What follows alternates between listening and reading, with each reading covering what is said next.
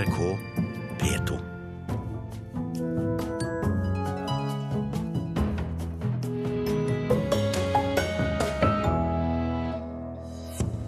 Det utdannes for mange skuespillere her i landet, mener studieleder ved Teaterhøgskole.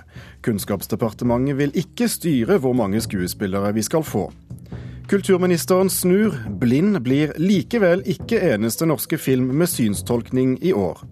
Musikken hans er spilt over 60 millioner ganger på nett. Nå kniver plateselskapene om den norske musikkprodusenten Kygo. Her er Kulturnytt i Nyhetsmorgen med Thomas Alverstein Ove i studio. Middelmådighet og arbeidsløshet er resultatet av at det utdannes for mange skuespillere i Norge. Det mener studieleder ved Teaterhøgskolen i Nord-Trøndelag. Antallet kulturarbeidere som går på Nav har økt kraftig de siste to årene. Privatskolen NIS i Oslo er en av de mange teaterskolene her i landet. Høyre eller venstre hånd går opp i en hilsning, og det kommer en skarp hei og fryser. Ved skuespillerutdanningen på privatskolen NIS i Oslo undervises det i skuespillermetoden laget av den russiske teaterguruen Stanislavskij. NIS er en av flere private skuespillerutdanninger i Norge, i tillegg til tre statlige teaterhøyskoler. Jo flere utdanninger, så har du økt konkurranse, som er bra for teaterfeltet.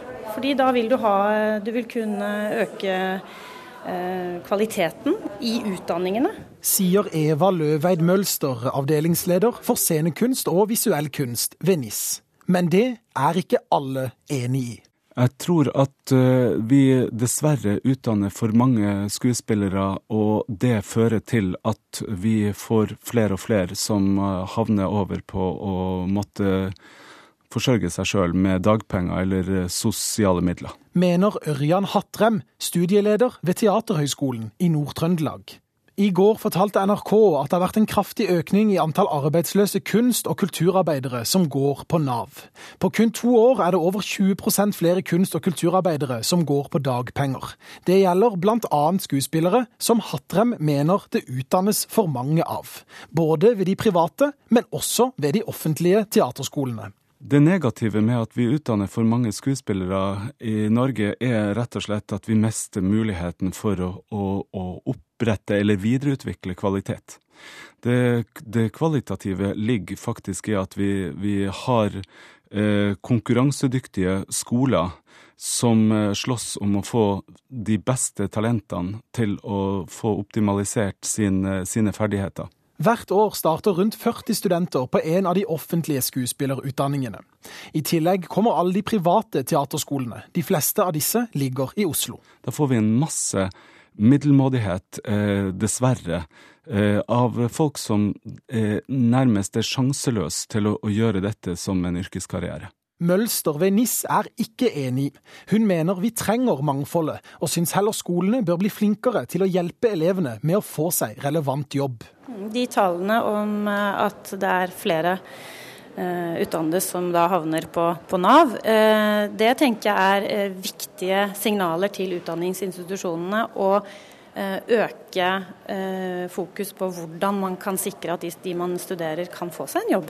Dvs. Si f.eks. ved å innføre en kunnskap om entreprenørskap, om økonomi, om juss, om hvordan du bygger opp ditt eget. Statssekretær i Kunnskapsdepartementet Bjørn Haugstad forteller at det foreløpig ikke er aktuelt å styre kapasiteten ved skolene. Rett og slett fordi vi legger til grunn at det er studentenes valg som skal være det viktigste.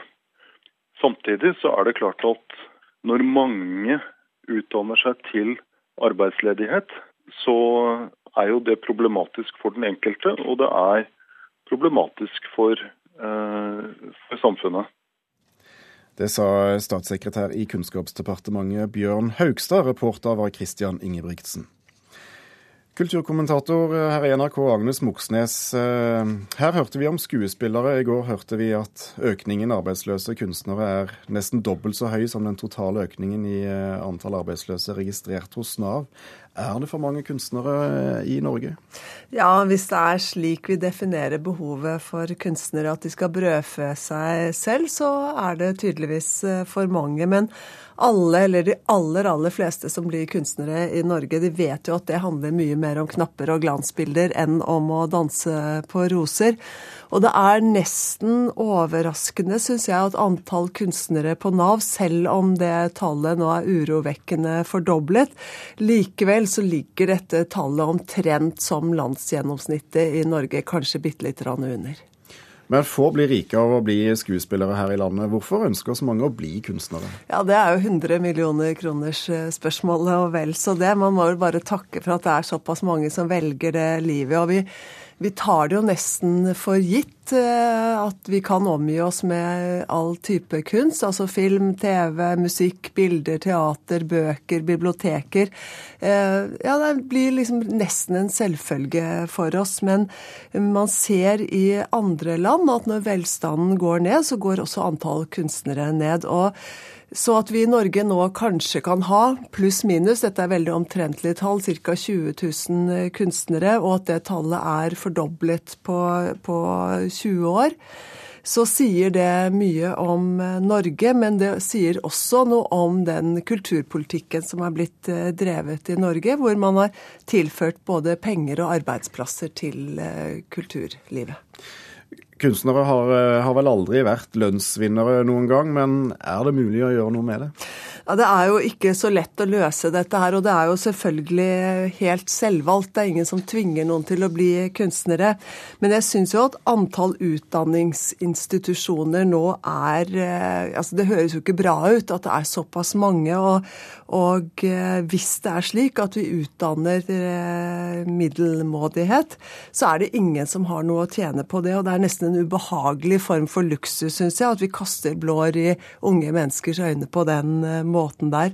Men det er jo en pussig runddans, for når dette området tilføres penger, altså gjennom økt forbruk og økte stipendier, så vokser antall kunstnere, blir flere om beinet, og dermed så holdes levestandarden nede. Så det som blir interessant å se nå, da, er jo den nye regjeringens metode, hvor de skal da prøve å legge til rette for kultur som næring, og stimulere, som det heter i Sundvolden-erklæringen, stimulere entreprenørskap. Det skal vi følge med på her i Kulturnytt. Takk skal du ha, Agnes Moxnes.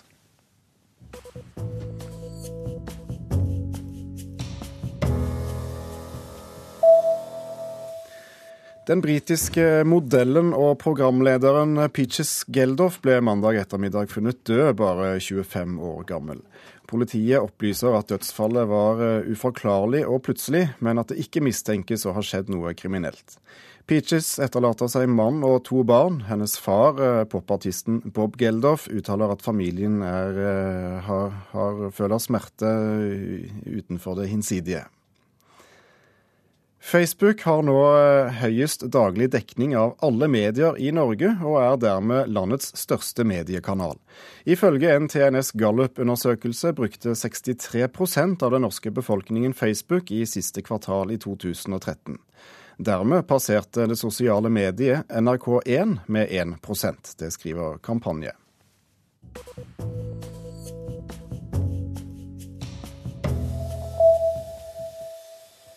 Kulturministeren blar opp for å få synstolket flere norske filmer. I utgangspunktet var det bare filmen 'Blind' som ville bli tolket for synshemmede i år, men nå blir tilbudet, tilbudet utvidet. Trykker, det, hun trykker bare på play, da, ikke sant? Hun tenkte mye på det at hun ikke kjente noen andre med barn de kunne være sammen. Med øynene lukka og utstyrt med øretelefoner tester kulturminister Toril Vidvei ut hvordan en blind opplever film. På flatskjermen på kontoret spiller filmen blind, og på øretelefonene hører ministeren skildringer av hva som skjer på filmen. Fram til i går så Eskil Vogt sin film 'Blind' ut til å bli den eneste filmen med synstolking i 2014. Nå har Vidvei likevel funnet 200 000 i kulturbudsjettet, som skal sikre synstolking av tre norske filmer i år. Det er eh, ikke bra nok at det er bare én film som skal være tilgjengelig for de i 2014. Jeg syns det er utrolig flott at kulturministeren har eh, funnet penger til synstolking nå i 2014. Det ser Sverre Fuglerud i Blindeforbundet. Vi var redd for at i år ikke ville komme, i, komme penger til dette i det hele tatt. Så da er dette 200 000 mer enn det vi hadde frykta. Ny teknologi til smarttelefon gjør at det aldri har vært bedre og lettere å synstolke film. Likevel har tallet på synstolka filmer gått ned som følge av underfinansiering. Kulturministeren vil ikke si noe om hvordan synstolking skal finansieres i åra framover. Hun viser til den kommende filmmeldinga og den kommende meldinga om NRK, der mer permanente finansieringsordninger vil bli presentert. Fuglerud i Blindeforbundet håper filmmeldinga vil sette strenge krav til synstolking. Jeg håper at i filmmeldinga så står det at eh, alle filmer som mottar norsk filmstøtte, skal synstolkes. Slik er det for teksting av filmer, og på samme måte bør det være for synstolking. Reporter i denne saken var eh, Kristin Forland. Med artistnavnet Kygo har musikkprodusent eh, Kyrre Gørvel Dahl fått en enorm tilhengerskare på internett. Musikken hans er spilt over 60 millioner ganger, og nå kjemper plateselskaper i inn- og utland om å få tegne kontrakt med 22-åringen fra Fana. Jeg likte sangen veldig godt da jeg lagde den, så jeg var veldig, veldig fornøyd med, med, låten og melodien og alt sammen. Men jeg skjønte det først da jeg så responsen, at uh, det her er virkelig noe, noe folk liker. Det var denne remixen av Ed Sheerans låt 'I See Fire' som virkelig satte fart i Kyrre Gørveldals musikkarriere. For ett år siden begynte han å legge ut remixer av andre artisters låter under artistnavnet Kygo. Nå er låtene hans blitt spilt 28 millioner ganger på musikknettstedet Soundcloud. Og legger man til visninger på YouTube, kommer antallet avspillinger opp i over 60 millioner. Helt ubegripelig, mener han selv. Jeg tror ikke det har gått opp for meg egentlig at, at det er så mange mennesker som hører på musikken min.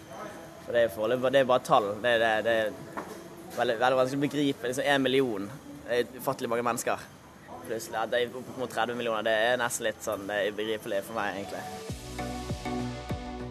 Og den enorme interessen på nettet har ikke gått platebransjen hus forbi.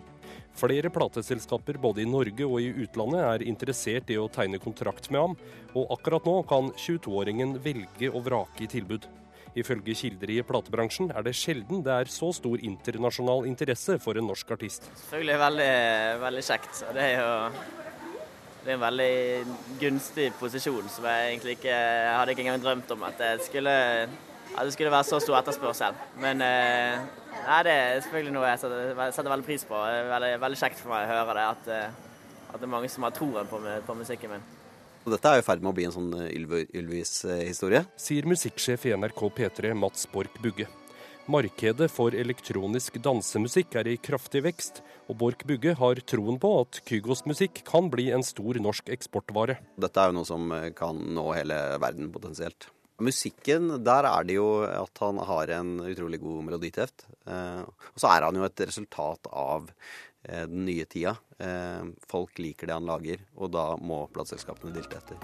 Etter å ha konsentrert seg om remixing av andres musikk, jobber Gørvel Dahl nå med å lage egne låter. Men først på kalenderen står eksamen i økonomistudiene.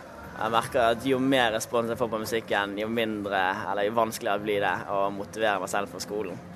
For jeg vet at det, det er musikk jeg har lyst til å drive med. Så, og så har jeg, jeg har prøvd å henge med på skolen, men eh, det går absolutt utover karakterene. Det er det.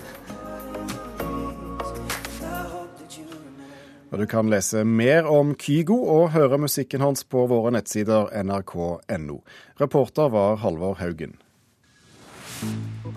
Dette er Nyhetsmorgen i NRK P2 og Alltid nyheter. De viktigste overskriftene nå når klokken er eh, snart 17 minutter over åtte. En antiterroroperasjon er i gang i byen Kharkiv øst i Ukraina. Og 70 personer er arrestert, opplyser det ukrainske innenriksdepartementet. Norske barnevernsvedtak provoserer andre land. Nå ber myndighetene i Nigeria om at en kvinne får tilbake ungen norsk barnevern har tatt fra henne.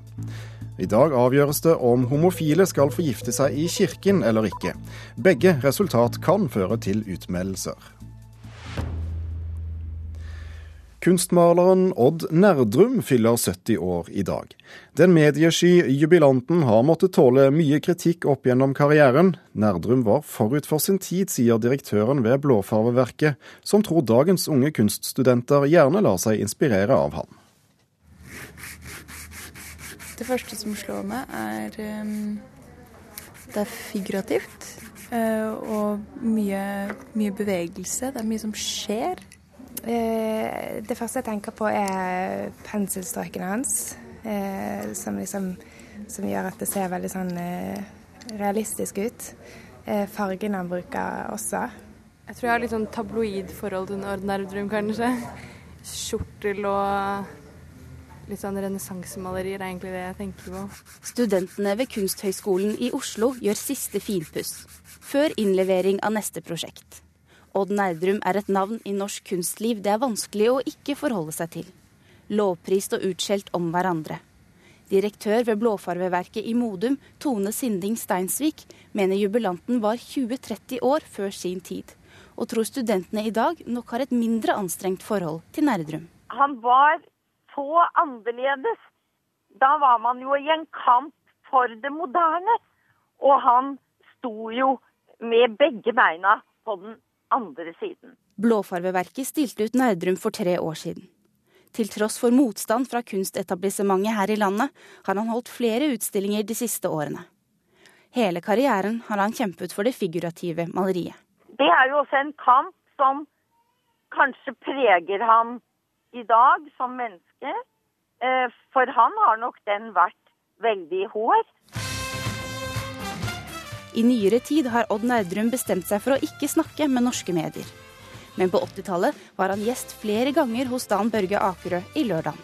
Du liker å bli fokusert på, gjør du ikke det? Sånn ja, eh, jeg liker jo det svært godt hvis det, hvis det er på mine premisser. Ja. Hvis jeg kan snakke om kunst, men uh, helt så vanskelig at det blir vanskelig for andre å følge med. Mm. Men uh, Altså Han uh, hadde jo allerede den gangen, da på slutten av 80-tallet, en voldsom standing i det norske kunstmiljøet. Omstridt og det var jo også da den andre siden ved ham, den filosofiske, reflekterende, den samfunnsorienterende, den debatterende siden. var det vi gjerne ville ha med i lørdagen. Sier Dan Børge Akerø i dag. Odd Nerdrum var veldig klar over sin egen posisjon og likte å leke med ilden. Så er det den beste mulighet for suksess i Norge, er å være misforstått og få dårlige kritikker og bli sånn litt sånn forsiktig mishandlet. Forsiktig mishandlet? Forsiktig mishandlet, ja så tror jeg det er veien å gå egentlig her i Norge. Og Det har jo skjedd mange ganger i historien med både Henrik Ibsen og Munch. så... Selv om det var familieprogram, og sånt, så satt han i kjortelen sin med filosofibok. Og, og var altså et, et unikum altså et, for TV. Veldig TV-tekke. Og sa at uh, vi må begynne å undervise barna våre filosofi i skolen. Det er mye viktigere enn alt det andre. På den tiden var det ganske så spesielt å si. Akerø skulle gjerne sett at Odd Nerdrum kom tilbake i norsk offentlighet. Studentene på Kunsthøgskolen i Oslo understreker at han fortsatt må være aktiv og delaktig for å kunne være en inspirasjon for kommende kunstnere. Det kommer jo litt an på måten han er aktuell selv på. At det ikke bare blir at du er kjent og, og lever videre på den, på en måte, at du lever videre på den, men at du fortsetter å liksom produsere egne verk. da, tror jeg kan være veldig inspirerende for mange. Reportere her det var Synne Rustad og Ina Charlotte Fjellhøy.